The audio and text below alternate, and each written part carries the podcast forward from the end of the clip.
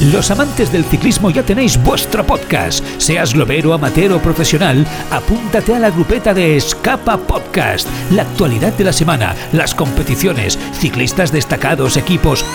Escapa Podcast, con entrevistas, debate, la información técnica y las novedades del mercado de la bici, gracias a la tienda líder de ciclismo. Escapa. Ponte el maillot con nosotros. Escapa Podcast, en las principales plataformas de podcasting. Cots al Tribuna, un programa que fem damunt d'una bicicleta mentre xutem una pilota per marcar gol, avançant a la corba a 230 km per hora, amb la mà dreta llançant un tir triple, amb l'esquerra esmaixant amb la raqueta, i tot mentre nedem als 200 metres papallona. Això és el Tribuna Marca amb Joan Prats. Com esteu? Molt bona tarda. Benvinguts un dia més al Tribuna Marca. Xavi Hernández deixa entreveure en roda de premsa que demà el Barça davant de l'Inter de Milà podria jugar amb tres defenses al darrere. I és la nostra filosofia, no? anar endavant, anar a pel partit, a tenir la pilota, a no, a no deixar l'Inter córrer. És, un, és un rival molt directe, eh, molt vertical, molt físic i dominen moltes facetes del joc. Doncs, eh, no serà fàcil, però intentarem... A nivell tàctic, el que, el que miro més doncs, és de, depèn quins puntes juguin ells. No? Si juguen amb dos puntes, per exemple, la Real Societat, doncs crec que em, em, em sobra un, un, un defensa. No? Veurem demà com, com ho ajustem, però crec que podem reforçar més al mig del camp, podem arribar més a l'atac, hem de ser fins i tot més valents en un partit tan important, ja ho vam fer al camp de la, de la Real i ens va sortir bé, doncs hem d'arriscar, hem d'arriscar, no? I és la nostra filosofia, no? anar endavant, anar a pel partit, a tenir la pilota, a no, a no deixar l'Inter córrer, són les paraules de l'entrenador del Futbol Club Barcelona, ja heu escoltat, arriscar, arriscar i potser, atenció, eh, perquè jo crec que està bastant clar que el Barça possiblement demà jugui amb tres eh, centrals. Ara acabarem d'escoltar totes les paraules de l'entrenador de Terrassa del Futbol Club Barcelona, de Xavi Hernández, un Barça que arriba com a líder Ara ho comentarem en aquesta hora del programa també amb el Carlos Rojas, que de seguida el saludo, perquè sí, perquè el Barça gairebé dos anys després torna a ser líder de la primera divisió espanyola de la Lliga i, evidentment, doncs, sense temps per pair-ho, ja estem pensant en aquesta Champions League. Escoltarem a Xavi, escoltarem a Marcos Alonso, eh, que ha parlat, no ha dit gaire cosa, la veritat. Eh, ja sabem que Marcos Alonso és d'aquells que es mulla poc a les rodes de, de premsa. Avui ho ha confirmat definitivament el veterà nou fitxatge pel lateral esquerre del Futbol Club Barcelona. Us explicarem l'última hora de l'Inter, com pot jugar, com arriba, especularem. Ha parlat Lewandowski en una entrevista amb un mitjà de Polònia, ha parlat de tot, eh? també de Xavi, de la pretemporada, dels joves, de quan va poder fitxar pel Madrid, no s'ha callat absolutament res, hem de parlar de Vinícius, protagonista del moment del Madrid, de Florentino Pérez ahir a l'assemblea, de Haaland, de Leo Messi, que està molt, molt, molt en forma, de molts aspectes, però deixeu-me saludar ja, que el tinc per aquí, el Carlitos Rojas. ¿Qué tal, Carlos? Bona tarda. ¿Qué tal? Buena tarde. Encantado de más. Muy bien. Muchas ganas de Champions. Porque, madre mía, entre la selección y tal...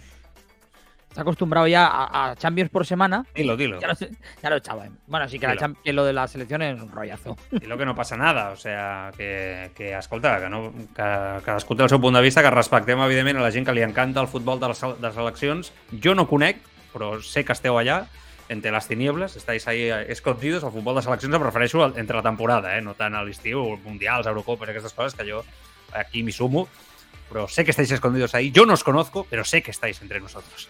Pero bueno, uh, en directe a través de Radio Marca Barcelona un dia més, a través de radiomarcabarcelona.com, evidentment a través de l'aplicació disponible per iOS i per Android de Radio Marca Barcelona, a través del canal de YouTube i a través del Twitch, twitch.tv barra el Tribuna, Allà està l'audiència participant a través del xat una tarda més. Us agraïm, evidentment, que estigueu allà. Ja veig que el Juanito Guapito, el Togromi, tots aneu saludant ja per allà, twitch.tv barra al tribuna, ja ens podeu veure, podeu participar, podreu veure que el Carlos Rojas avui està doncs, en les tinieblas. Eh? eh sin luz.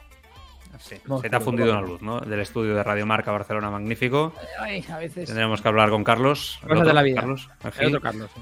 Sí, sí, sí, sí, ya he visto yo que... Bueno, se te ve así como... Bueno, como, como Jesucristo. Parece que te vayas a, ah, vayas a, te vayas a subir al, al, al cielo ya. Okay.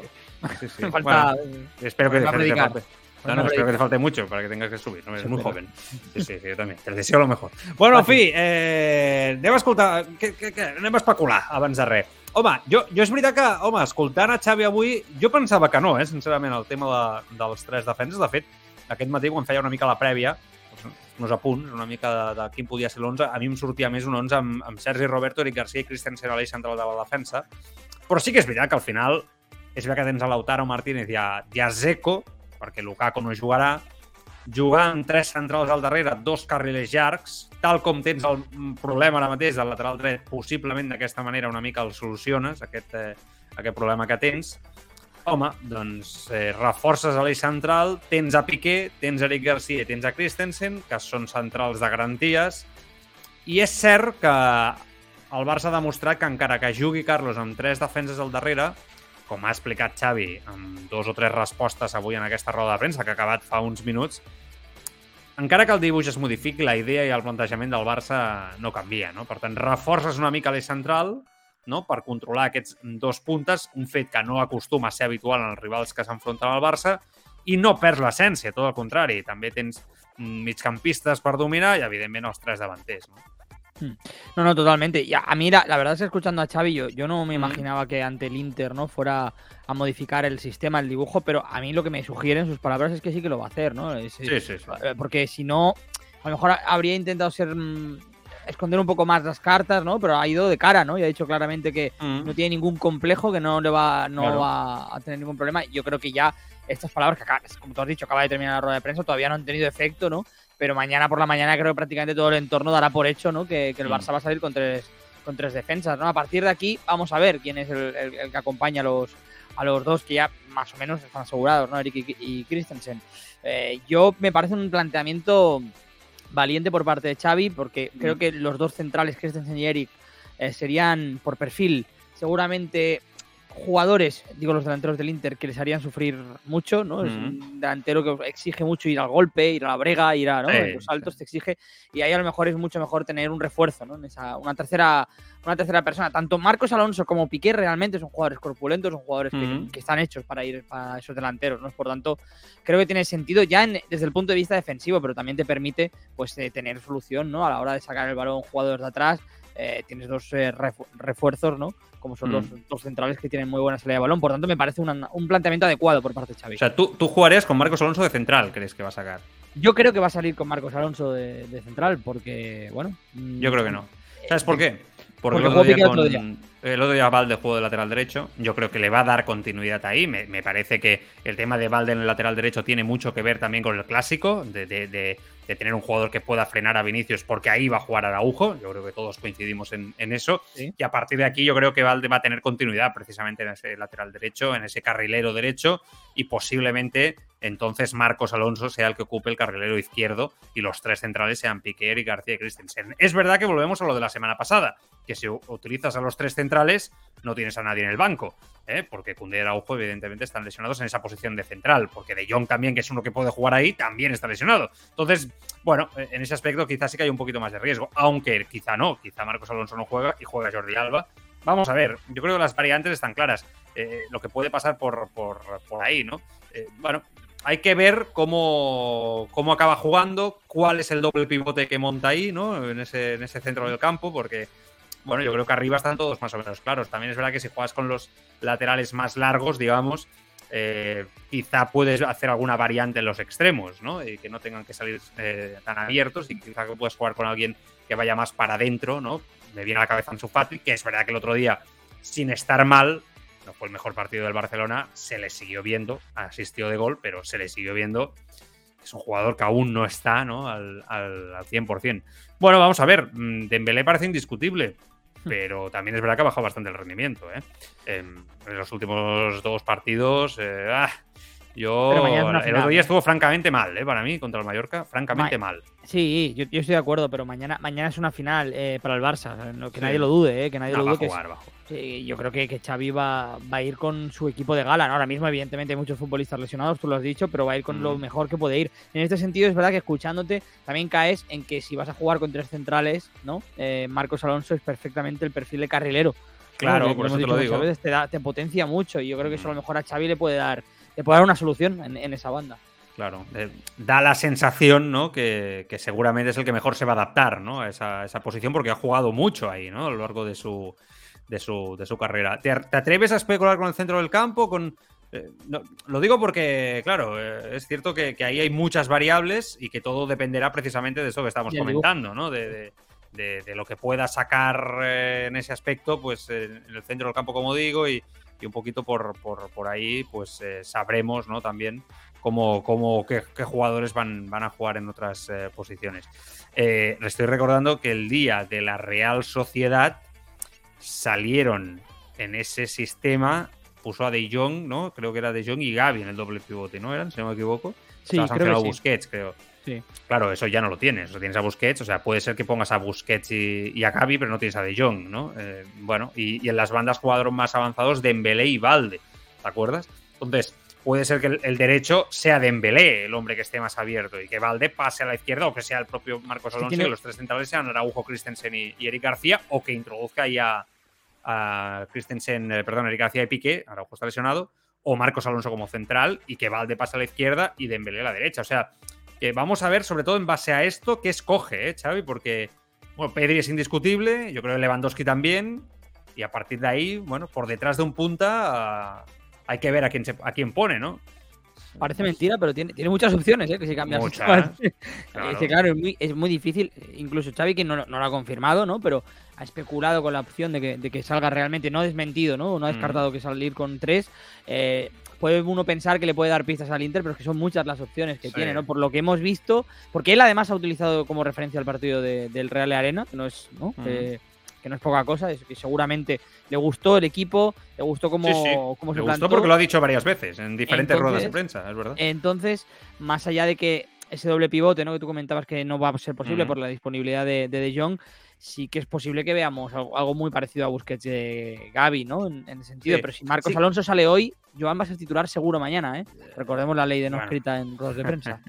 bueno, ya veremos eso. Pero bueno, sí, tienes razón. Sí que es verdad que he jugado también con ese doble pivote y después eh, hacía el rombo, ¿te acuerdas? Que hacía De Jong, que lo iba variando un poco, que acabó más con, con De Jong, con Gaby, Pedri como interiores y Ferran Torres por detrás del punta, ¿te acuerdas? Era más un 3-2-4-1 y, los extremos eran Valde y, Dembélé con Lewandowski marcó dos goles y Valde dio una asistencia ahí, ¿no? Creo, si no me equivoco.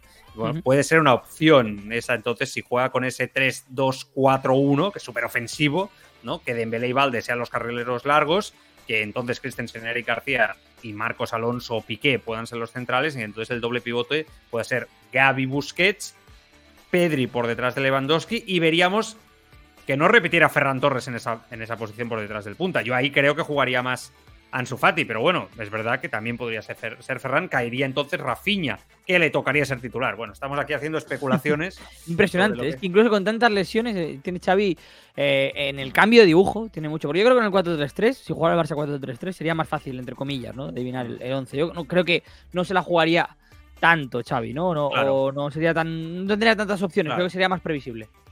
Dice, diu Xavi que ha arribat el moment de rendir en aquesta competició ara que el Barça es líder de la Liga. En la cabeza ahora tenemos un entrenamiento, espero que no haya ningún percance, pero sí tengo la idea bastante, bastante clara de lo que debemos ser mañana y bueno, a pesar de la, de la envergadura del, del, rival, lo tenemos bastante claro de que queremos dominar, queremos tener el balón, queremos jugar en campo contrario, lo que vamos viendo del, del equipo en los últimos meses, ¿no? Eh, y es un, es un rival importante, es Champions, es un partido realmente no, no crucial, no crucial, no definitivo diría, pero sí muy importante para, para el devenir del, del grupo.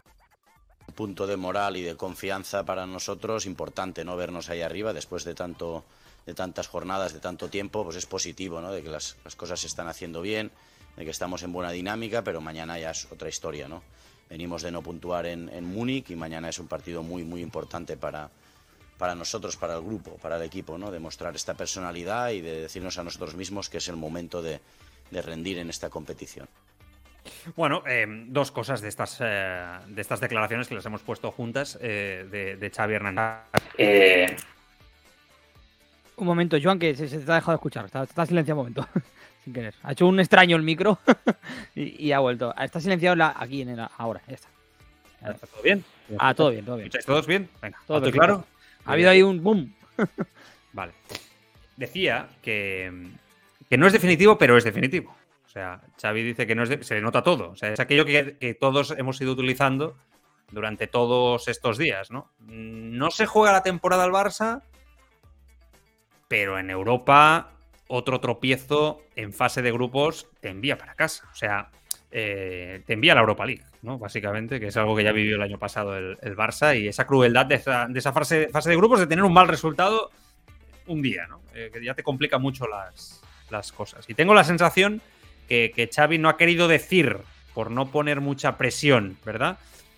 Que es definitivo, o sea, que mañana es una final sí o sí, pero, pero que lo piensa, ¿no? Y creo, sinceramente, que con buen criterio, porque al final, si fallas mañana, es verdad que después tienes la vuelta contra el Inter, pero tienes que recibir al Bayern de Múnich, no va a ser nada fácil, contándolo de Wilson, pero ya te complicas mucho la vida. ¿eh? Es verdad que, ahora hablaremos del Inter, no llega especialmente bien, pero es una final, o sea, yo lo tengo claro. Y, bueno, también ha dicho esto del liderazgo y todo, como diciendo, primer reto conseguido, que era recuperar el liderato ¿no? de la liga casi dos años después, ahora hablaremos de datos. Eh, ahora, siguiente paso, afianzarse en Europa. Yo, yo, creo que la cabeza de Xavi está estructurada de esta manera, o sea, desde que llegó, ¿no? Ir consiguiendo recuperar el Barça poco a poco, tramo a tramo, ¿no? Y ha ido consiguiendo objetivo a objetivo. Ahora parece que dentro de su cabeza es, bueno, ya tenemos el liderato. Ya veremos si esto acaba así o no. Vamos a luchar contra el Madrid, pero de momento ya lo tenemos. Ahora, la Champions.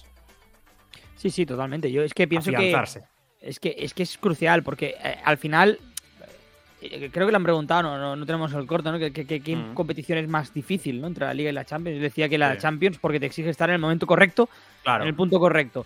Eh, y eso es cierto que te, hace, te hace ser más exigente, pero te hace ser más injusto. Por eso Messi muchas veces no decía lo que no, el mejor equipo no gana la Champions. Lo gana el que mejor está en el momento correcto. La Liga, en cambio, es más de justicia, ¿no? Es más de irregular, de ser eh, constante y yo creo que es importante para optar a la Champions. Mínimo tienes que ser constante. Eh, bueno, venimos de unas ediciones un, poco, un tanto extrañas, pero normalmente ha sido así, ¿no? En la, en la Champions, el equipo más constante, luego, pues, evidentemente, por pura probabilidad, es el que hay muchas sorpresas, eh, Carlos, hay muchas sorpresas. Toda la vida ha habido sorpresas, más allá de la constancia. no sé, hoy precisamente le han recordado que el Barça que cae ante el Inter de Milán de, de Mourinho, el Barça era muy constante, era el mejor equipo, hay un error arbitral, te vas para casa y no ganas esa Champions, ¿no? Pero tú lo has dicho muchas veces, yo creo que tienes, razón, ¿no? El Barça es un equipo que la identidad está construida en que para ganar la Champions tiene que ser muy, muy, muy eh, regular en Liga, tiene que hacer mm. un muy buen equipo en Liga. De hecho, siempre gana la Liga, ¿no? Cuando gana la Champions. Por tanto, yo creo que Xavi, que conoce perfectamente el club, conoce perfectamente su idiosincrasia, mm, lo ha planteado de esa manera, ¿no? Tenemos que hacer una liga competitiva, una liga larga, de puntos largos, porque el Madrid va a estar ahí, más allá de que ahora esté, ¿no? Un pequeño bache. Eh, y si nosotros seguimos, seguimos, seguimos, seguimos y encontramos una filosofía con la que hacemos cómodos, pues ¿por qué no? Podemos ganar la Champions o podemos competirla, ¿no? Llegar lejos. Eh, pero sí, mañana, para mí no es un partido, yo estoy de acuerdo con todo lo que ha dicho Xavi, no es un partido eh, determinante desde el punto de vista más pragmático, es decir, no, si pierdes no estás eliminado, pero si pierdes mañana, pese a que no es el fin del mundo, estás obligado literalmente a ganarle a Inter y a Bayern en casa, obligado a ganarles a los dos. Es que, y ahí se complica la cosa. Es que, a ver, te quedaría. El Bayern va a ganar. Si no, no. sería una catombe, ¿no? Que, mm. además este fin de semana ya el viernes ya ganó al Bayern Leverkusen, se ha recuperado de su crisis, ¿no? En la Bundesliga un poquito, podemos decir. La crisis de resultados. Se pondría al Bayern con nueve puntos, el Inter con seis, el Barça con tres. O sea, una derrota. O sea, tienes que ganar al Bayern en casa, tienes que ganar al Inter. Mm, y después, bueno, las, no, está mejor, ahora que lo veo, está mejor que el año pasado, porque tienes a los dos grandes en casa la segunda vuelta y tienes que ir a, la República Checa. Con lo que aún estaría mejor, Carlos, dentro de la desgracia, aún estaría mejor el año pasado se tenía que ir a Portugal, era aún más complicado, ¿te acuerdas? Que luego. Eh, que, ir a Múnich, era difícil. Claro, claro, que, si el Barça la última jornada tiene que ganar, la, eh, evidentemente tiene el rival fácil y el Inter no solo, no, solo juega ante el Bayern, es que juega en el Allianz. es un poco la situación del Barça año pasado, ¿no? Que al Bayern le daba igual, pero claro, en el Allianz te va a ganar muy probablemente. Bueno, aún así, a ganar mañana. ¿eh? No, no hay duda que, que el Barça. Oye, y hablemos ya del Inter, o sea, para mí el Barça es favorito. O sea, yo, entiendo que cuando vimos lo que es el, sorteo, todos, ¿no? Claramente todos dijimos, vale, el peor grupo es el del Barça. Seguramente el peor grupo en años que ha tenido el Barça. No, yo creo que no hay duda al, respecto. Pero viendo cómo está el Inter de Milán actualmente, noveno, lleva dos derrotas seguidas, ¿no? Ante Udinese 3 a 1 y ante la Roma este fin de semana 1 a 2. Mm, creo que tiene muchos problemas, no está Lukaku, hay muchas dudas, perdió 0-2 ante el Bayern de Múnich. Este Barça ha demostrado ser un equipo que está mm, en clara línea ascendente, con un jugador como Lewandowski, un equipo que aun con las lesiones el otro día se sobrepuso ¿no? y dio un paso al frente como equipo, es verdad, en uno de los peores partidos de lo que llevamos de temporada, por mérito también seguramente del propio, del propio Mallorca. Pero hombre, yo creo que la sensación del primer día del sorteo, viendo cómo ha empezado la temporada el Inter y cómo ha empezado el propio Barça, no tiene nada que ver. El Inter perdió 3 a 2 ante el Milan el, el derby, ¿no? Es que ha tenido muchos problemas, o sea, realmente muchas dificultades. Perdió 3 a 1 ante la Lazio, eh, que es verdad que está fuerte este año la Serie A, pero no sé, Carlos, yo, yo creo que a día de hoy el Barça es mejor equipo que, que este Inter de Milán. Sí, sí, el, Inter está en una etapa de, convulsión brutal. A mí me parece muy curioso porque mm. es un equipo que en las últimas temporadas, ya evidentemente no es aquel gigante dormido de antes, ¿no? Pero eh, tiene un serio problema con Europa el Inter, ¿no? Que siempre se, dice que, ha progresado mucho y a lo mejor desde fuera, ¿no? La gente en España no le llega tanto esa progresión mm. porque no no están rindiendo, no están pasando de fase de grupo realmente en Champions, ¿no? O, si pasan en octavos, o muy poquitos. Es un equipo muy menor todavía en Europa. Le mm. falta dar ese paso y este año, por cómo ha empezado el curso y por el grupo, que el Valinter también lo toma un grupo muy complicado, ya da la mm. sensación de que va a estar otra vez en esa, en esa dinámica. Es un club muy inestable, eh, con idas y venidas en el, banquillo, con un, también una, una, afición muy tóxica, hay que decirlo, tiene un mm. entorno muy tóxico el Inter de Milán, eh, y a partir de aquí, pues a ver cómo, cómo consigue levantarlo. Evidentemente el fútbol te da oportunidades, si mañana gana el Barça, pues seguramente mm. la cosa cambie, ¿no? Para, para el Inter, pero no es un equipo que a mí de primeras me meta miedo. Y me da más miedo el escenario, el Giuseppe Meazza, ¿no? Que es un campo complicado, que, que el propio Inter. Sí, campeón tres veces de la Champions, la 9-10 fue la última, antes 63, 64, 64, 65, que entiendo que son las de Luis Suárez, ¿no? Si no me equivoco. Exactamente. Son esos. Entonces ahí, pues, eh, ahora llevan ya mucho tiempo, ¿no? Es verdad que ganaron el Scudetto en la 2021, eh, después de muchos años de la Juve. Antes que eso, pues pasaron una, una odisea desde, desde la 2009-2010, ¿verdad? Que, que tuvieron muchos problemas y muchos años acabando francamente muy mal eh, en, esa, en esa competición y bueno, cambio de propietarios. Bueno, han tenido miles de problemas, ¿no? o sea, yo creo que miles de, problemas. El último enfrentamiento fue victoria del Barça en 10 de diciembre de 2019, 1 a 2 eh, en Italia, 2 a 1 ganó el Barça en ese grupo F el 2 de octubre del, 2019, marcó Malcolm en la victoria en, Italia, marcó Malcolm. En Italia.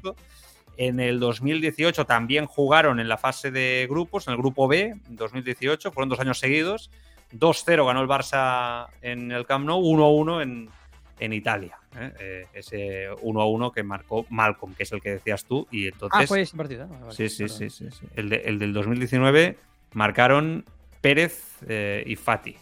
Ah, sí, es verdad. Fue el año, en ese momento que estaba explotando en su Fati, en, el concurso. Carlos Pérez fue el que marcó, ¿te acuerdas? Que, que, yo creo que ahí le valió también para que en Italia se fijara mucho en él, ¿no? Que se fue a la Roma después. Bueno, estamos haciendo de abuelos cebolleta, ¿eh? Recordando un poco. bueno, hace tres años, ¿eh? Tampoco. sí, bueno, bueno. Pero estoy recordando aquí toda la, historia. Bueno, a ver, eh, más, eh, más cortes de, de, de Xavi i llegim alguns missatges eh, a través del Twitch, eh, twitch.tv barra el Tribuna, ja podeu participar, ens podeu veure també, si voleu, preferiu imatge, doncs aquí estem fent també el programa en directe al Carlos i un, i un servidor. Ha a Lewandowski, a recordar que els altres atacants també han de sumar més gol. Una resposta interessant de Xavi, eh? i ara la comento perquè jo estic molt en la seva línia. Tremenda, ¿no? Es un futbolista de alto nivel, espectacular. Sí que es verdad que los demás también tenemos que ayudar más en el tema, tema goleador, el tema números, pero bueno, bienvenidos sean los, los goles de, Robert, que marque diferencias. El otro día 0-1 gol, gol suyo, pues perfecto, ¿no? Eh, positivo, muy positivo y contento por, por Robert y los demás se tienen que ir sumando a estos números.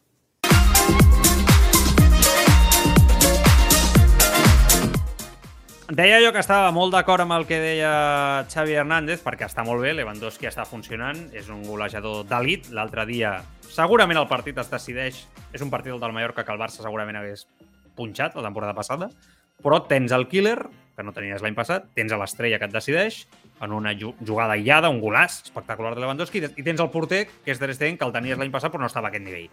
I t'atura el que al Madrid, per exemple, li aturava Courtois la temporada passada. I aquest tret diferencial fa que guanyis al Mallorca i siguis líder avui de la, de la Lliga. No?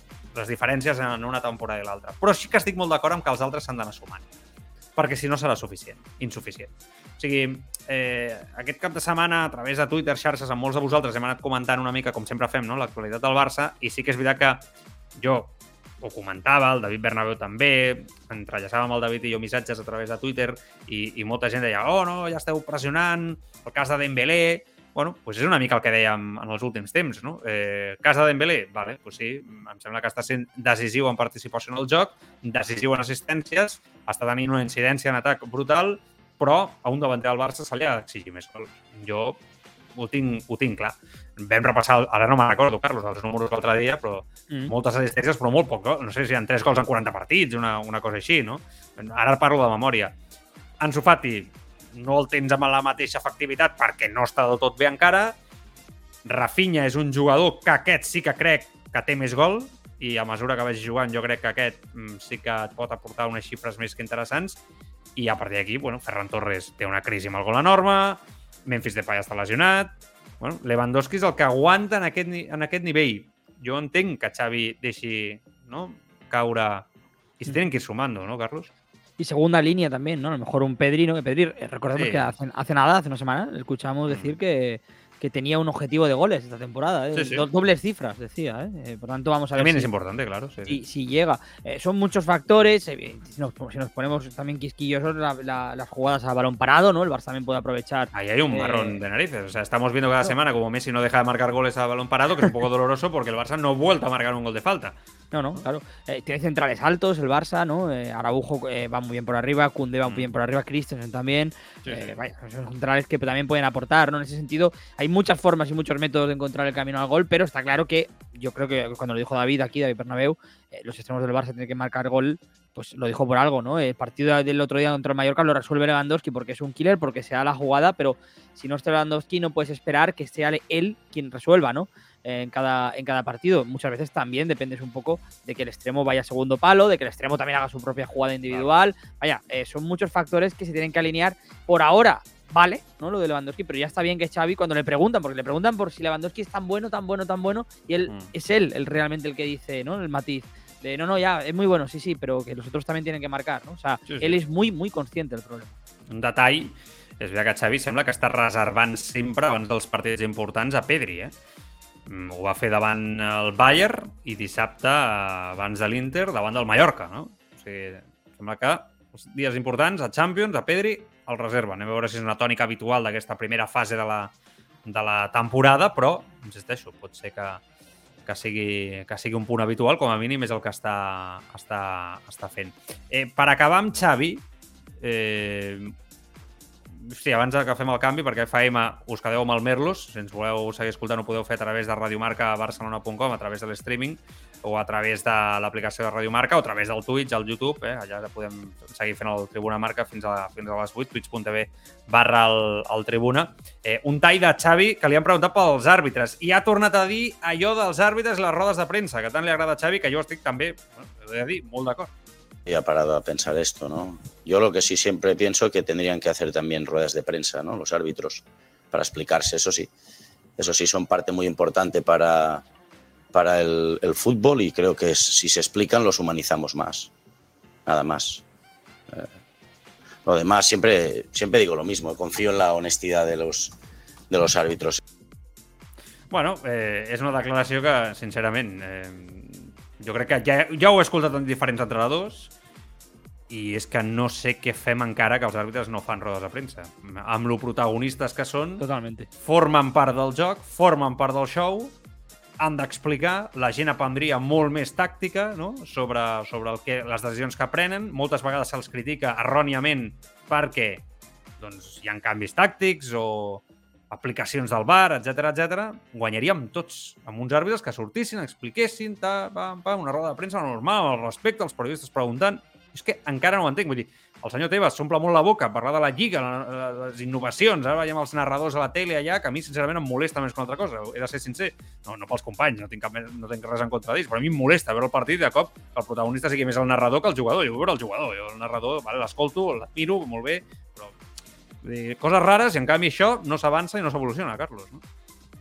Sí, sí, totalmente. Yo creo que es algo que además, incluso cuando se instauró el bar, ¿no, Joan? Ya parecía que, que, que, iba a ser una dinámica, que iban a hablar más al menos del CTA sí, y sí, ahora sí. de nuevo s'ha vuelto la bunkerizació. Otra vez. Alguna entrevista, així. Bueno, va, eh, deixem la FM, ens passem al Twitch, twitch.tv barra el Tribuna. Bueno, de fet, seguim allà fins a les 8 del vespre fent el programa, fent anàlisi del que pugui passar. A l'FM eh, us quedeu amb el Merlos amb el Fórmula Marca.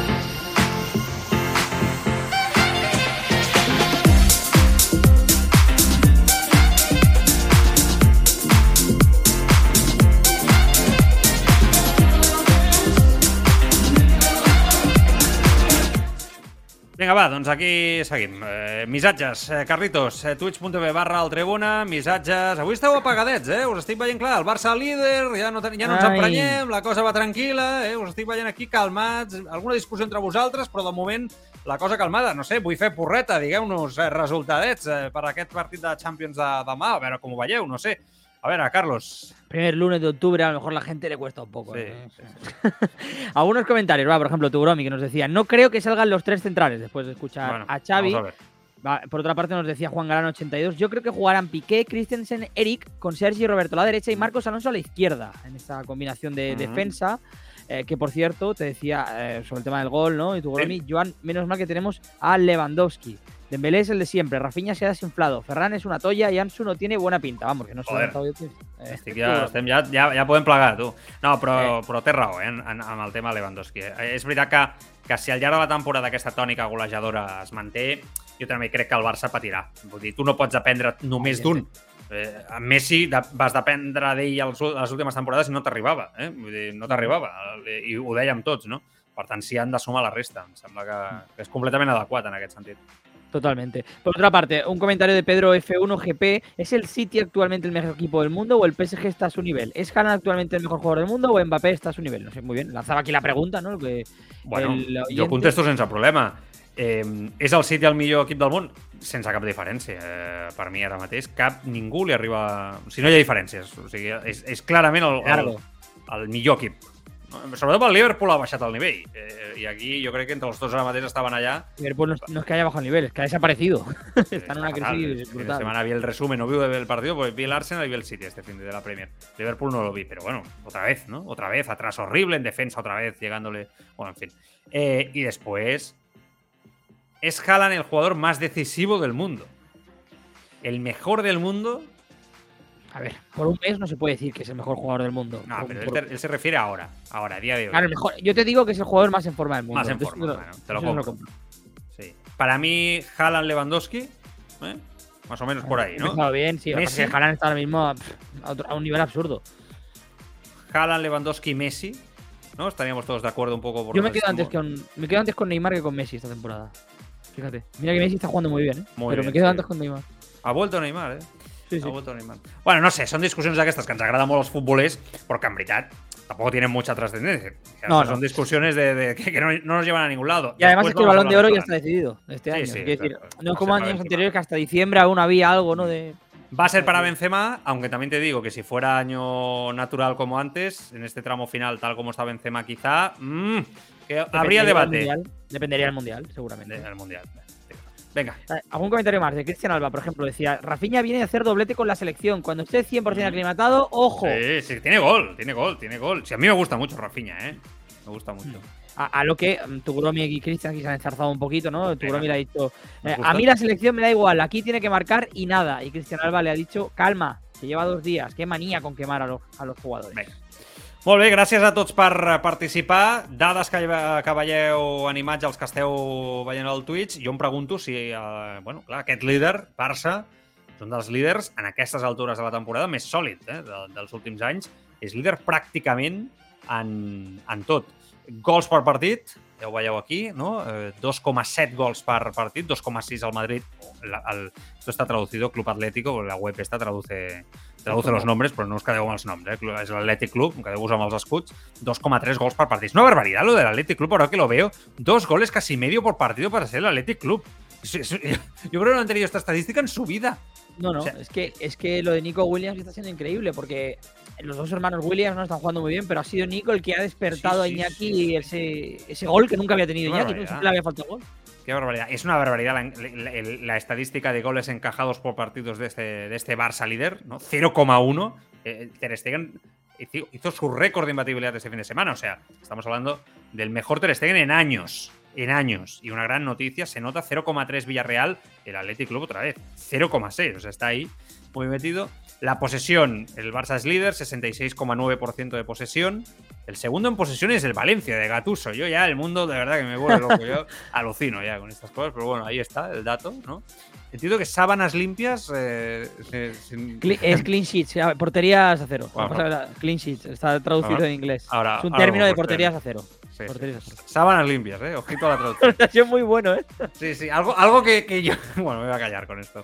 Va, eh, seis, ¿eh? Seis, venga, ahí. Eh, expected goals, 18,9 por partido. ¡Qué barbaridad! El Barça está generando una barbaridad, ¿eh, Carlos? Mm, o sea, es que no tiene nada que ver con el año pasado. Líder también en esta clasificación.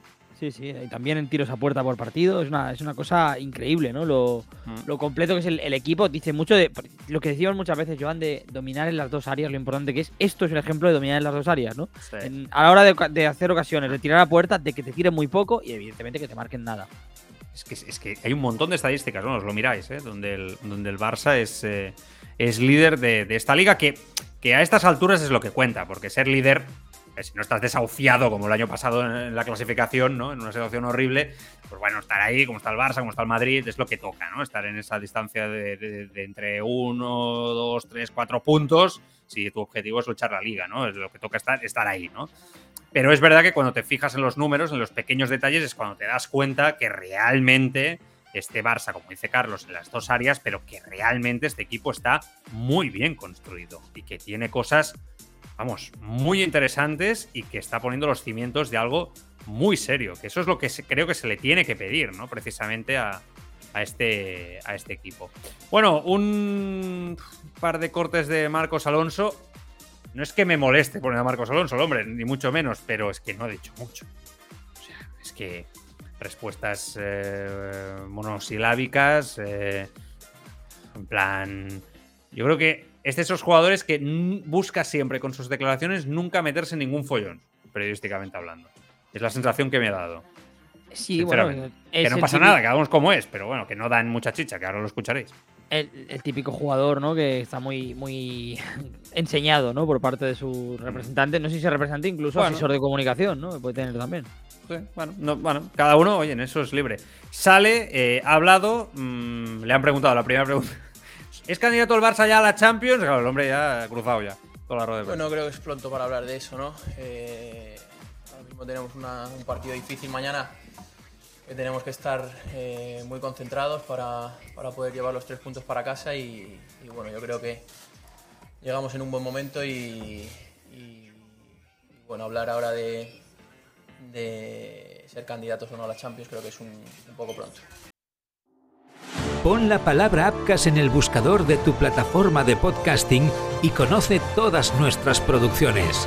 Apcas, que no te lo cuenten, escúchalo.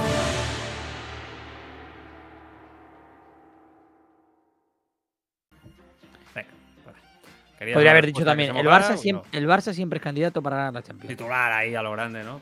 Ah, no sé, quiere decir que, tampoco te meten mucha presión, ¿no? Al final es algo que yo creo que todos damos por sentado, ¿no? Que el Barça debería estar luchando por la Champions cada año. pues no. No se ha querido mojar. Después le han preguntado por el Inter. Un partido importante, ¿no? Eh, el Inter, eh, gran equipo, ¿no? Muy bien trabajado tácticamente, muy físico y, con mucha calidad arriba. y bueno, sabemos de la dificultad, pero nosotros estamos trabajando bien también, creo que llegamos en, un buen momento y, sabemos de la importancia de, los tres puntos de mañana. Impresionante, ¿eh? Como, como discurso de... Vale para todo. Tú esto lo pones contra el Madrid en el Clásico, te vale. Tú la pones en la final, de no sé qué, la Copa del Rey, te vale este corte, lo, puedes utilizar todo el año. Voy a hacer hasta un gag, ¿eh? un gag de, imitando las respuestas sin personalidad. Es carne de meme, ¿eh? es carne de meme, Marcos Alonso. fichaje que quizás titular, ¿eh? Mañana, pero... Hombre, yo, la, la, vayan parlarem, ¿eh? ¿Tú crees que sí? Ya, ya lo. Rueda de prensa. Es que yo no conozco a un entrenador que saque un jugador en rueda de prensa que luego no sea titular. Eh, bueno, eh, Xavi eh, como Guardiola son de los que tienen mucha personalidad para romper este tipo de reglas. Pero bueno, que puede ser. Pero sí que es verdad que yo tengo la sensación de que si Jordi Alba se ha quedado, más allá de lo que pensamos todos de que la etapa de Jordi Alba puede haber llegado a su fin. Y, es verdad que este fin de semana he recibido muchos mensajes de gente indignada que decir, ostras, es jugar otra vez, Piqué, Jordi Alba, Busquets, el equipo vuelve lento, no vuelve a funcionar de la misma manera, ¿no? Por el sábado un poco, ¿no? pero, pero sí que es verdad que Jordi Alba quedándose, que yo creo que hasta la irrupción de Valde en la pretemporada, todo el mundo, el propio Xavi también, daba por hecho que Jordi Alba se iba a quedar, incluso que iba a ser el titular en el lateral izquierdo. No, no dejan salir a Jordi Alba al Inter de Milán hasta que ven que Valde tiene este nivel, teniendo en cuenta que Marcos Alonso iba a llegar. Yo creo que lo de Marcos Alonso, porque ya estaba hecho y porque realmente había un acuerdo con el jugador que ha presionado mucho para venir al Barça, etcétera. Yo creo que si no, no, se hubiera hecho, sinceramente. Con más tiempo y más margen, creo que no se hubiera hecho. Creo que la temporada te da con Jordi Alba y Valde en condiciones normales para tener la posición cubierta perfectamente sin tener que aplicar una ficha más, un sueldo más. También es verdad, y eso es cierto, que en el Barça hay una idea clara por parte de la Junta Directiva y me parece totalmente normal que Jordi Alba salga por su sueldo porque no se lo quiere tocar, con ese contrato con, que, es desmedido a todos los niveles. Entonces, esta manera es una manera de apretarle, ¿no? Un poquito. Pero el otro día fue titular Jordi Alba. Ya lo vimos.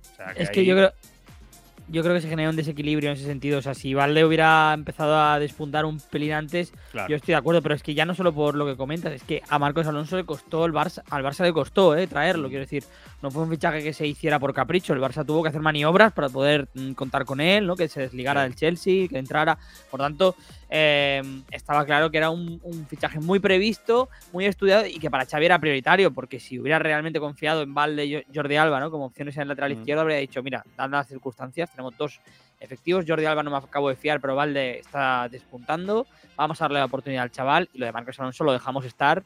Eh, no, nos complicamos tanto la vida con la operación salida y, con, el tema de la masa salarial.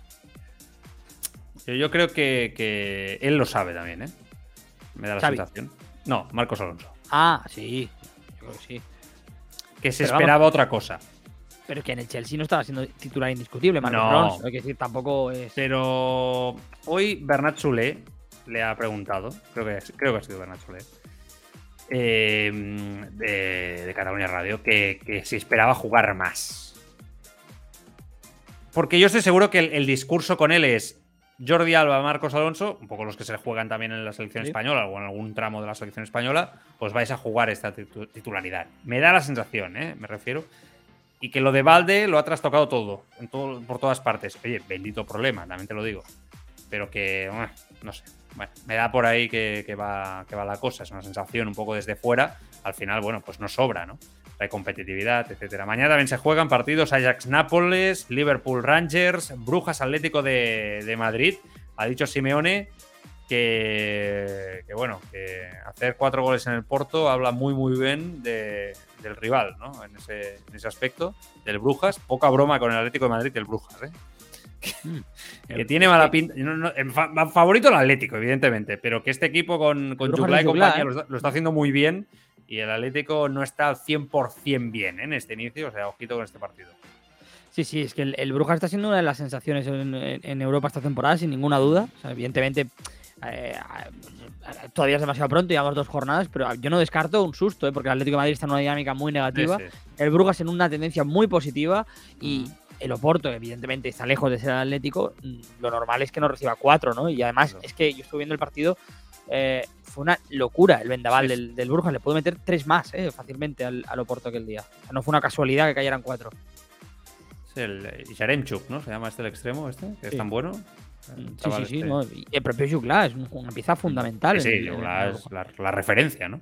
Porto Leverkusen también, Bayern de Múnich, Victoria Pilsen, el Inter Barça, Marsella Sporting de Portugal y el Eintracht de Frankfurt ante el eh, Tottenham. Son, son todos los partidos, son todos los partidos de, de, mañana. Vamos a ver ahí también cómo, sale el, el, cholo.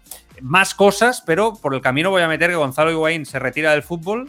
Eh, bueno, ahí está, ¿no? Un hombre que ha fallado cosas clave a lo largo de su carrera y que muchos lo recuerdan por ello. La verdad, yo creo que ser justos con, con, el recuerdo de la gente, pero que también es verdad que es un jugador, oye, ganador de tres ligas, dos supercopas, una Copa del Rey, tres Serie A, eh, una Supercopa de Italia, tres Copas de Italia, una Europa League. Bueno, un delantero, no sé si algo tosco, pero bueno, se va ahí en la Major League Soccer, el Inter de Miami, dice adiós y, bueno, ahí está, ese recuerdo. A mí siempre me ha gustado Wayne, ¿eh? decir, a, mí, me ha parecido siempre un gran delantero. Y creo que a Messi eh, tampoco. Le gustaba mucho. no, eso, bueno, es que Messi con Higuaín no combina nada. En ese sentido, el perfil de delantero no, no lo es, ¿no? Eh, pero a mí siempre me ha parecido un perfil de delantero muy infravalorado en el sentido de que mm. siempre ha sido un meme porque ha estado, ha tenido errores importantes en su carrera y además, a veces que ha acertado, ¿no? Como en el gol contra Alemania, que, que, se lo anulan, ¿no? Y bueno, en Alemania alguno más, ¿no? Alguno más, sí que, sí que los ha metido, ¿no? Pero realmente a mí me ha parecido. Hay, hay otras estadísticas más allá de los, de los, de los que apuntabas tú, que por ejemplo en, la Juve, antes de que llegara Cristiano, él rompió el récord histórico de Capo Canonieri en la, en la Juve, ¿no? Fue un delantero brutal. En el Napoli también fue una referencia increíble. Llegó a costar 90 millones de euros a la Juve y además, cuando la Juve pagó eso por él. Mm, demostró el primer año, ¿no? Que era, que era el delantero ah, centro de la Juve. No, no es un delantero centro para un equipo grande top. Uf, yo, yo, creo que sí que, lo, que lo, ha sido durante gran parte de ni en su top, ni en su prime para mí. O sea, tú estás viendo ahora estos lejos de, que tienen. Claro, está lejos de Lewandowski, de, de, de Pero eso es lo que tiene que aspirar un equipo grande, este tipo de delantero. El resto. Lewandowski y Suárez han sido anomalías, ¿eh, Joan? no, no, pero me refiero, entiéndeme, entiéndeme. O sea, eh, tú ves a que el Barça tiene Lewandowski ahora, funciona. Tú ves al Manchester City que tiene a Haaland, funciona. Tú ves a Benzema en el Real Madrid, funciona. ¿Entiendes lo que quiero decir? O sea, este, o sea, los equipos grandes, grandes, grandes eh, el, delantero que tienen que ir a buscar es a este. Entiendo que no, no puede haber tres Lewandowskis, cuatro Haalands, lo entiendo. Hay tres, ¿no? Tops levels eh, en ese aspecto como nueve. Pero a la vez tienen que siempre intentar aspirar a eso. Y yo creo que con Higuaín daba sensación que sí, pero no. Eh, sí, pero no te daba ese punto final. aquí, aquí te voy a buscar cosquilla porque, porque lo, que, lo que no quiero es que. Me cae muy bien, ¿eh? Como persona. Que se recuerde. Bueno, yo no sé, yo como, persona no sé, pero lo que yo a mí me da rabia es que se vaya a recordar, por ejemplo, a Higuaín, aunque da mucho de la otra la carrera del otro jugador que voy a decir, pero bueno, al nivel de Morata, por ejemplo, ¿no? Higuaín ha sido mucho mejor delantero que Morata, mucho mejor delantero. Y, y, mira que mí me gusta Morata, pero, sí, que te, sé reconocer que tiene más trayectoria. Van con el San Benito del meme. ¿No? un poco del, delantero que ha tenido mala suerte, que ha fallado ocasiones claras y tal. Y Higuaín, por ejemplo, me parece un delantero, insisto, infravalorado en su carrera deportiva, evidentemente lejos de, ese, ese Suárez, Benzema, Lewandowski, pero oye, por ejemplo, me parece un delantero que no le tiene nada que enviar al Kun Agüero. Joder, Carlos. En serio te lo digo, ¿eh? Bueno, ya está, ya está, ya está. Momento de Wine Fan, eh, ¿vale? Ok, hasta aquí. Yo lo he puesto de forma random aquí porque ha sido protagonista del día, un poco como, como breve, ¿no? No te lo esperaba. No me esperaba que fuera el fan aquí número uno. Yo creo que un Agüero, Samuel Eto'o, por decirte uno, muy por encima, los dos. A mí Agüero es que me parece que está muy por detrás de todo. Vale, pero eh, eh, no, vale, Eto'o muy por encima de Higuaín, ¿estamos de acuerdo? Sí, sí, claro. Vale. No, claro. Cristian Vieri por delante, no sé, ¿eh? es que. Van Higuaín ha metido muchos goles, ¿eh? Van Nistelrooy, por delante de Higuaín. Por delante, pero no muy, no muy por delante. Dale recuerdos después cuando te vas a cenar con él, va. Eh, Lewandowski, entrevista a Sport Wii, eh, un mitjà de comunicació de Polònia, diu que quan el va trucar Xavi ni s'ho va pensar per fitxar pel Barça, que la pretemporada amb Xavi va ser molt intensa, més del que s'esperava. Parla dels joves Valde, Gavi, Pedri i Ansu com a persones molt madures per la seva edat i explica que si no hagués estat futbolista, atenció al tema perquè este, este es el titular de la entrevista. Hubiera sido Lewandowski si no hubiera sido goleador, si no hubiera sido delantero, hubiera sido cantante de teatro. Entiendo que de ópera. me gusta. Ahora hay que verle cantar. O sea, este espero que el Barça haga un TikTok o algo, algo con él. Este tío es un crack. O sea, a mí este tío me cae de puta madre. Permitirme que os lo diga así. O sea, una persona que si no se ve como futbolista, se ve cantando ahí y tal. O sea, bueno, no sé, me cae muy bien. O sea, realmente me parece un tío simpático, un tío agradable, un tío que además hace bien su trabajo, profesional. ¿Qué? has dicho? Con carisma, ¿no? carisma, carismático, un líder. Yo creo que el Barça ha hecho el fichaje que justo necesitaba para este momento. Más allá de la edad, que eh, en, su momento a todos nos transmitía esa duda, vamos a ver qué tal funciona. Oye, chapo. Además es que es una persona simpática. O sea, yo creo que hemos pasado de la oscuridad de Mordor, ahora que están los anillos de poder, ¿no? De, Sauron con Kuman y algunas respuestas de algunos jugadores, oscuridad absoluta claro, y hemos pasado a, Xavi, a Lewandowski, al carisma, a la opinión. Pues, oye, ¿qué quieres que te diga? Eso también hace club. Eso también hace club, eso ayuda a que las cosas vayan adelante, a que la sensación sea otra, la explicación, la dinámica, el acercamiento de grupo, la, empatía. La vida, yo creo que todo esto ayuda. Y yo creo que en el grupo una persona y un carácter como el de Lewandowski ayuda mucho. Y hemos pasado, ya no te voy a decir solamente a esos, ¿eh? voy a ser un poco más duro con algunos que, que sé que para vosotros son estrellas absolutas, pero que en su etapa final estaban muy alejados de esto. Hablo de Luis Suárez, hablo de los Messi, y hablo de ese grupo de jugadores que aunque Messi lo salvaba todo en el terreno de juego, es verdad que tenían una vitola de estrellas intocables en todas sus respuestas, las pocas veces que daban ruedas de prensa, etcétera, etcétera, que no ayudaban a la dinámica. Y ahora, hostia, se está normalizando. La estrella habla, comparte, lidera, es carismático, ayuda, y no pasa nada. Y no pasa nada. Es que no sé, ya veremos de aquí un tiempo si sigue siendo así, pero de momento yo creo que esa es la buena dinámica. Y eso es lo que ya pasaba en época Guardiola, se ha ido perdiendo, ¿no? Cuando ya los jugadores pasan a ser estrellas intocables, que parecen estrellas del rock más que futbolistas, y ahora se vuelve un poco la normalidad. Es que todo va ligado. Cuando yo, yo si te vas fijando en los clubes, cuando entran en estas dinámicas, de, oscuridad absoluta, donde las estrellas ya van de vivos por el mundo, etcétera, eso se acaba traduciendo en resultados. Es que prácticamente siempre es así, Carlos. Sí, sí, no, y además es, cuando decimos que la estrella marca un poco, ¿no? El ejemplo, más allá de que pueda sonar atópico, es el caso, ¿no? Eh, Messi, que es un jugador y es, ¿no? Pero en el Barça, digo, eh, absolutamente decisivo, estratosférico, brutal. Eh, pero era un jugador que parecía que fuera del campo transmitía cierta apatía o cierta obsesión, ¿no? Obsesión desde, desde el punto de vista negativo, ¿no? Con ganar la Champions y demás. Mm. Lewandowski, estoy seguro que está obsesionado con ganar títulos en el Barça, pero me transmite otra cosa, me transmite un nuevo cambio, ¿no? Otra manera. El, primero en, llegar, el primero en marcar el ejemplo. No creerse eh, nadie por encima del otro. exacto, ¿no? Tener un, grupito en el, vestuario, ¿no? Yo creo que todos los, todas cualquier jugador del Barça por sabe eso que puede acercarse a Lewandowski. qué es Jordi Alba. Porque ellos se han quedado con la manera antigua del vestuario de actuar por eso ahora ellos desentonan, por eso ahora eh, vemos todos que, están tan fuera de lugar. Eh, eh, porque es que realmente hay otra dinámica. Busquets, en cambio, está mucho más en esa dinámica. Por su carácter, por su manera, porque nunca acabó de encajar seguramente en aquella dinámica. Pero Jordi Alba y Piqué los ves fuera. Están fuera de onda, sí, sí. Hay un oyente aquí que dice los intocables de Barto, ¿eh? de Bartolonés. Sí, sí. Muy bueno. No, no, es así, es así. Bartumeu, pues bueno, en fin. Eh, temas. De corto estamos ya servidos, ¿eh? Por hoy. Bueno, están los de Guardiola y Ara, ara, ara vamos con ello. Zubimendi diu que la sintonia amb la Real Sociedad per renovar és bona, que només és una qüestió de temps. No sé si esto se tiene que interpretar en clave Barça o, o no. Al final, yo creo perfectamente que el jugador puede renovar y después es al Barça, ¿no? Me da la sensación. Yo creo que es que se lo han puede, pedido. Que puede querer su presente, ¿no? Asegurarse después fichar por el Barça. No sé, creo, ¿eh? Yo creo que la, que la Real, cosa que yo lo estuve leyendo, eh, ¿no? Un poco el entorno de la Real estos días cuando pasó lo de Zubimendi. Y sí que es verdad que la Real son muy conscientes de que tarde o temprano Zubimendi seguramente se vaya a ir, pero lo que le han pedido, ¿no? Es súbete la cláusula, ¿no? Por tu club, ¿no? Que Deja dinero. Exacto. Estas cosas a mí. Lo entiendo, ¿eh? Lo entiendo. Es un jugador de la casa, etcétera, pero que quiero decir que el tren del Barça pasa una vez en tu vida, ¿no? Eh, que, que, te suba la cláusula te puede hacer que el Barça no te fiche. Claro, que El jugador tiene que pensarlo muy bien esto, ¿eh? A eso me refiero, que no. Que ayudar al club de tu vida me parece estupendo, pero que si la cláusula pasa de 30 a 60, me lo invento, no sé si el Barça va a pagar 60 por Zubimendi. 30 quizás sí, pero 60... Si es listo Zubimendi, debería haber hablado con el Barça de esto. claro. me han pedido esto, yo voy a hacer esto. Aquí en Uyenka digo Tuguromi, Zubimente 60 ya es una locura. Yo estoy de acuerdo. Más me parece una barbaridad. Insisto, que yo sigo diciendo que me gusta más Rubén Neves. Otro día más. Os voy a dar la tabarra con, este, con este jugador. Anem a parlar del Madrid. Anem a parlar del Madrid. S'ha de parlar, de fet, em sembla, del, del Madrid, sense cap mena de, de dubte.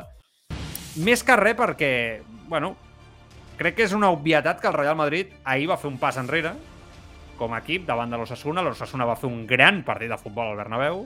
És veritat que el Madrid podria haver guanyat el partit amb aquest penal que va fallar Benzema, però que, bueno, que l'equip no va tenir el seu millor dia i que s'ha dit en el lideratge. Però, per mi hi ha un protagonista, que és Vinícius. Amb tot el que jo he dit bo de Vinícius, no, soc, no soy dudoso. O sea, precisamente cuando algunos le rajaban, era de los pocos, incluso desde Barcelona, con tertulianos de Madrid que decía, ese chaval es muy bueno, muy bueno. Pero es que ahora, sinceramente, es más protagonista por lo que hace, con gestitos, etcétera y tal, que más que lo que hace con el balón, ¿no? Su persona, etcétera. Ya fue protagonista en su momento, comparte de razón, lo del baile, bueno, al final le defendimos, oye, que baile quien quiera, pero un poco de victimismo en el torno de Vinicius. Y ayer yo creo que hay detalles. Le dice al árbitro, eres muy malo. Otro joven, de esa manera, con esa chulería, esa manera que, habla él a la gente.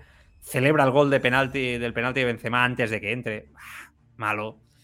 ¿No? Le dice adiós al jugador de Osasuna que lo expulsan, adiós, te vas para tu casa y tal. Hasta el propio Benzema hay un momento, Carlos, que lo coge y le, dice, y le dice, juega, juega, déjate de historias. Lo digo porque esto ya lo hemos visto antes. Y a mí me parece que si no cogen a este chaval y lo centran, se va a perder. A mí me recuerda mucho al, tema Robiño. ¿Te acuerdas, Robiño? Sí, Empezó también este rollo y tal. Se pierden, se pierden, porque van con la chulería esta y tal. Y el fútbol hay que, hay que ser humilde, hay que jugar, hay que estar centrado. Si no, te, te engulles. Si, te, creces y no tienes la cabeza. Lo hemos visto muchas veces, que se te, va a ir. Y mira que es bueno venir. Sí, es muy bueno. E, evidentemente tiene un problema muy grande. Yo aquí creo que a Carlo Ancelotti debería tener un poco, ¿no? Esa, esa mano derecha que se dice muchas veces. Que, Quizá lo intenta y no puede, ¿eh? Ojo. Eh, ¿eh? no lo sé, no sé. yo es que cuando le ha, defendido con tanta vehemencia ¿no? en rueda de prensa, yo entiendo que, que, Ancelotti, evidentemente, tiene que defender a su jugador, ¿no? Pero se puede defender quizá desde la autocrítica, ¿no? Decir, bueno, tiene que aprender, es un jugador que no lo hace con mala intención, también le hace muchas faltas, pero él sabe que tiene que aprender a ciertas cosas. Quiero decir, también puedes tener un discurso así, ¿no? Y Ancelotti no ha tocado para nada la crítica, ¿no? En ningún momento. Eso, de primeras, de cara al público, ¿no? De cara a lo que es el mensaje al propio madridismo, ya no es bueno ya es eh, malo, ¿no? Porque el jugador, o sea, la, afición evidentemente siempre va a defender a, Vinicius. Es verdad que hay cierta parte de la afición del Madrid que también, ¿no? Eh, considera que eso es pasar una, raya, pero la gran mayoría siempre va a defender, y más si está jugando como está jugando Vinicius, ¿no? El problema es de cara a, largo plazo, ¿no? Con Vinicius, porque ahora que le están haciendo las cosas bien, ok, pero cuando vuelva a tener una mala racha, que la tendrá, lo han tenido todos, los mejores, eh, si no tiene, se va a encontrar con muchos enemigos, ¿no? Cuando, cuando baje un poquito. Y ahí es donde va a tener que tener esa personalidad. Cuando te van bien, bien las cosas es muy fácil, ir chulo y tener la personalidad, pero cuando, cuando realmente las cosas se complican es cuando hay que sacarlas, ¿no? Y, si Vinicius pues eh, continúa con estas actitudes y con estas provocaciones, va a dejar muy pocos amigos en el fútbol. Y respecto al Madrid, un comentario muy rápido. Yo, el partido de ayer es el partido que el año pasado ganaba Benzema y este año no lo gana porque Benzema no está jugando bien. Más allá de que falla el penalti, Benzema jugó muy mal y está jugando muy mal este inicio de temporada. Pero es que quizá no está bien, físicamente. No voy yo al gran defensor de Benzema, que me parece un gran futbolista, pero, pero es que yo creo que quizá ayer no estaba para jugar a ese nivel. Y hay, que parar, y el, jugador cuando tiene una lesión hay que recuperar poco a poco. Me da la sensación que se va a forzado un poco por... O sea, es que hay una psicosis a jugar sin Benzema y Courtois en el Madrid ahora. Pero tú crees que se acaba el mundo. El Madrid estaba jugando, estaba jugando bien sin Benzema, estaba ganando partidos y demás. No sé si. Yo es que antes de la lesión ya le había visto un par de partidos bastante malos a, Karim. Sí. Eh, y ahora que ha vuelto, pues, oye, igual es eso, ¿no? Que, no se ha recuperado bien, pero no sé, yo creo que no está tan fino. Al menos de cara a portería, ¿no? esos últimos metros tan clarividentes que tenía el año pasado, ya no los tiene esta temporada. No sé. Bueno, es verdad que, que el tema que decías de Vinicius a mí me parece que si entra en buena dinámica, perfecto, pero que si no, bueno, en cualquier caso, mm, se puede perder el chaval. O sea, hay que ir con mucho ojo. al final, Ancelotti es un gran entrenador, yo creo que estamos todos de acuerdo con ello, pero que también es un entrenador que, que, al final, si la estrella no quiere y no suma, yo creo que todo lo que pasó con Vinicius hace un par de semanas, o sea, al chaval, yo creo muy mal asesorado, ¿eh? Más allá de que evidentemente tenga razón con el tema del racismo, yo ahí, vamos, yo creo que no soy dudoso al respecto, pero que, ostras, cuando ves un jugador que le gusta la polémica, la chulería, es joven, evidentemente la juventud no, no ayuda, pero yo veo a Rodrigo y lo veo la antítesis de eso, ¿eh? Sí, Rodrigo es mucho más. también es verdad que como futbolista, ¿no? Pues bueno, ya. No genera tanto, ¿no? A mí, a mí me gusta, siempre he sido más de Rodrigo que Vinicius, ¿eh? no lo digo por la calidad. Yo al revés. Que en cuanto a vistosidad, ¿no? Eh, esa controversia que genera el fútbol de Vinicius no lo genera el de Rodrigo, que es un poco más europeo, ¿no? bueno, pero... tú puedes ser un gran jugador como Vinicius, alegre, jugar de una manera y tal, y, no ser un. Y ser y tener la personalidad de Rodrigo, sí, sí. Exacto. una cosa no lleva a la otra. Oye, eh, Neymar, pues seguramente se parece más a Vinicius, es verdad. Eh, vamos a ser claros. Pero Ronaldinho, que era un jugador con ese descaro brasileño y esa alegría en el campo, No tenía ese respetuoso. Claro, Rafinha en el Barça, que tiene ese punto, ¿no? Que también eh, no es lo mismo, pero está ahí en esa línea, es otra cosa. Estamos de acuerdo, ¿no? A nivel de carácter, yo creo que ahí el Madrid eh, tiene que, ver. Eh, realmente la gente le está cogiendo odio a este jugador. Es que es verdad, o sea, en todos los campos lo odian. Yo creo, que, de forma, de forma lógica, ¿no? Pues eh, hay una cosa que, son los piques dentro del campo, ¿no? Y yo creo que Vinicius, hay una norma no escrita en el fútbol que lo que pasa en el campo se queda en el campo. Una vez acaba, ya te abrazas. Vinicius, yo creo que no, que se lo lleva fuera del campo. Sí, sí, pues es maduro, no está llevado, no está llevado y claro, hay que hablar con él. Eh, Florentino Pérez ahí sobre la Superliga, eh, básicamente en una miqueta luda, luda sempre, sense masses novetats al, al respecte. Ho, ho dic perquè és veritat que ahir, bueno, ganó la asamblea Ya sé que esto, Carlos, lo sabéis, que lo conocéis y que es conocido, pero es vergonzoso.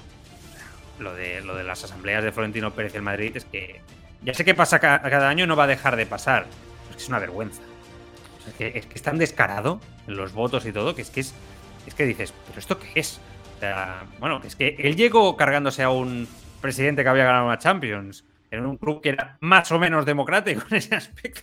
O sea, digo más o menos no porque sea Madrid, eh, sino porque yo soy de los que piensa que los clubes, eh, bueno, democracia muchas veces hay poca y que pues, es otro debate, ¿no? Pero entenderme lo que quiero decir. Ostras, cada vez que hay asamblea, a mí, bueno, flipo, flipo. O sea, alucino cómo tiene controlado el club y manietado. Básicamente, titular importante, con el modelo de la UEFA, Nadal y Federer solo se habrían enfrentado dos veces. Ese, ahora utiliza también el, tema del, tenis. Em, yo pensaba que iba a decir más, sinceramente, y vi que tenía poca cosa. Hoy Ceferín le ha contestado diciendo que sin los ingleses esto de la Superliga va a ser imposible. Que tiene razón Ceferín, ¿eh? no, no, vamos a poner a Ceferín aquí de ejemplo de nada, pero tiene razón en ese sentido. Es pero que, yo no tengo tan claro que los ingleses no vayan. Él da por hecho que no van a ir y yo no lo tengo tan claro, pero bueno. Yo doy por hecho que los, bueno, los ingleses han, hecho, han firmado cláusulas muy, muy, muy, muy prohibitivas.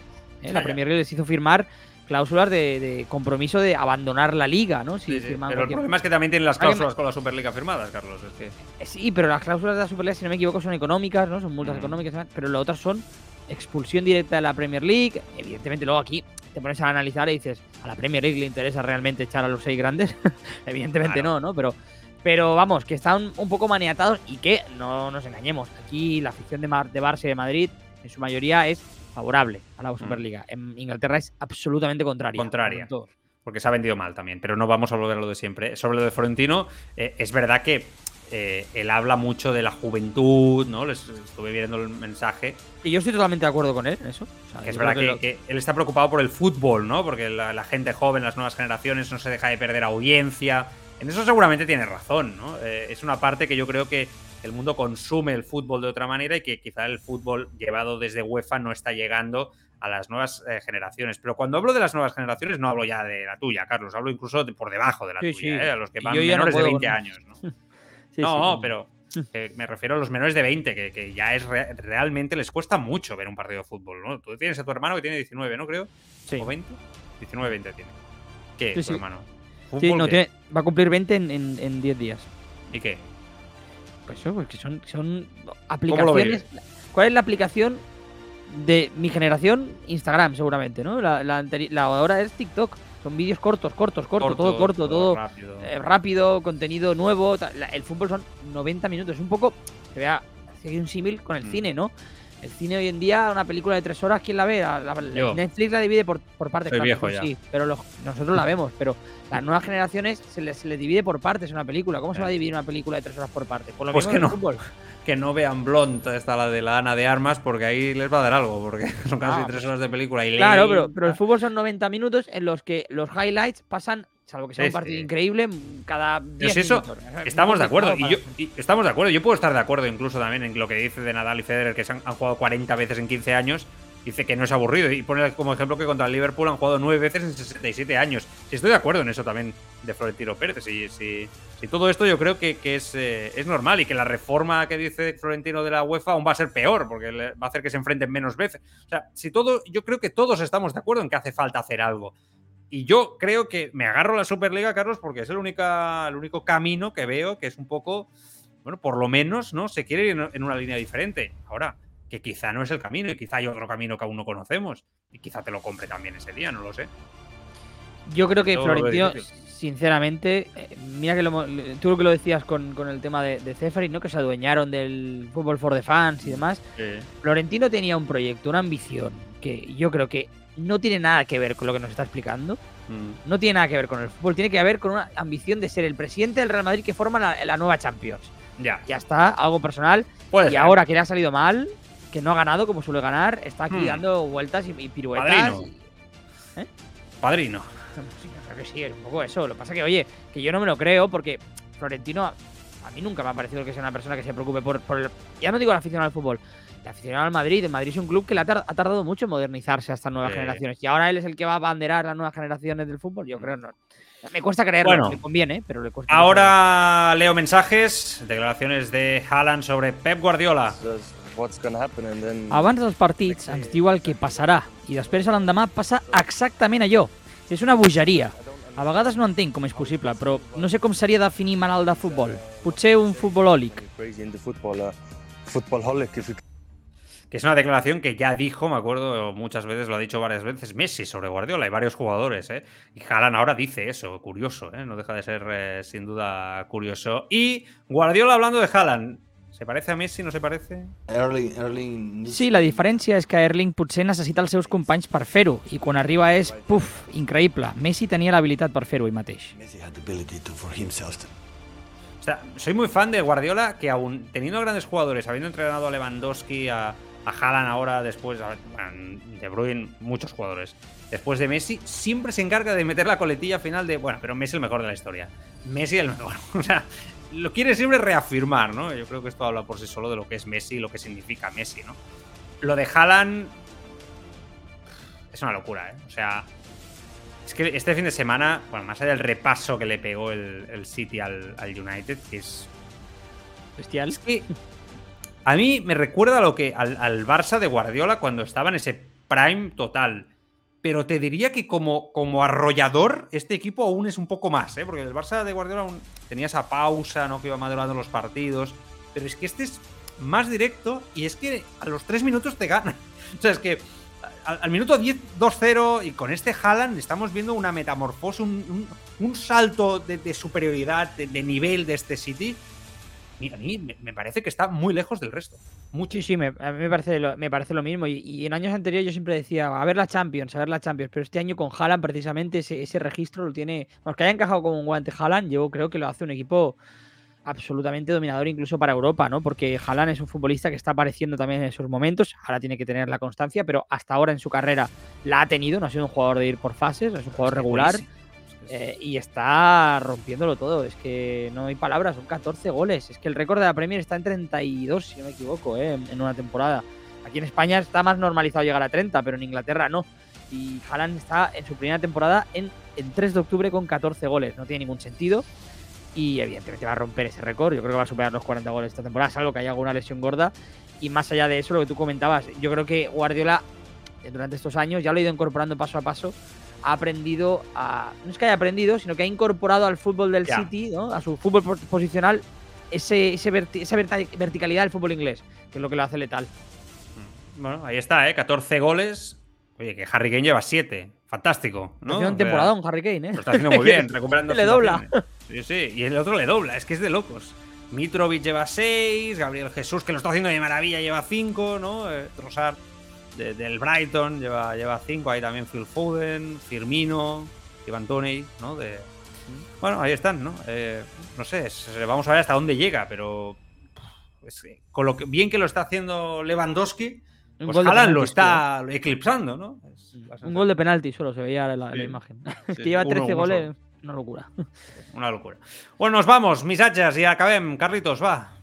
Pues mira, algunos mensajes de que hablábamos eh, de, antes de la jornada de Champions, ¿no? Nos decía tu me estaría bien que Chuglas sentencie al Cholo. Por otra parte, eh, Marcelo Caramelo decía, implicado, eh, Lewandowski, está aprendiendo catalán, la mujer enseña la ciudad por las redes, están a gustísimo aquí, se están adaptando, dando un ejemplo sin precedentes. Un 10 el fichaje Lewandowski, 50 palos, me parece barato lo que nos está dando y lo que nos dará.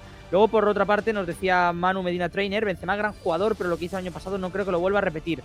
Este año hará un año como los que ha hecho siempre, años buenos y punto. Marcelo Caramelo decía eh, sobre Vinicius, no lo pueden ver ni sus propios compañeros. Eh, nos lo comentaba también Manu Medina Trainer que me encantaría una Superliga, pero si los equipos Premier no sería lo mismo. Y por último, Joan, eh, José Fernández, que nos dice un saludo desde Montijo. Pues un saludo para él también, para José Fernández.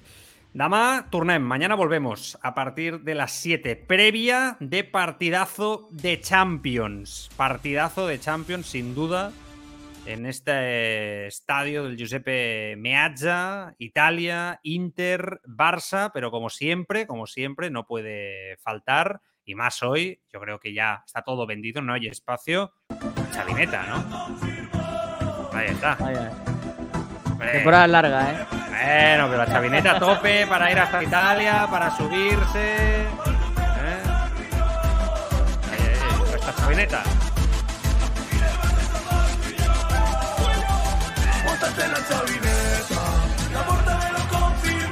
Bueno, pues la chavineta. La chavineta, ahí está, todo meter, ¿eh? ¿eh? Mañana volvemos. Cuidaros mucho. Hasta mañana. Adiós, adiós, adiós, adiós. Messi cambió de camiseta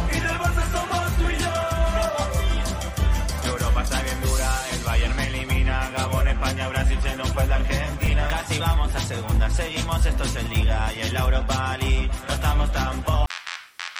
El deporte es sinónimo de éxito, de triunfo, de gloria, de respeto.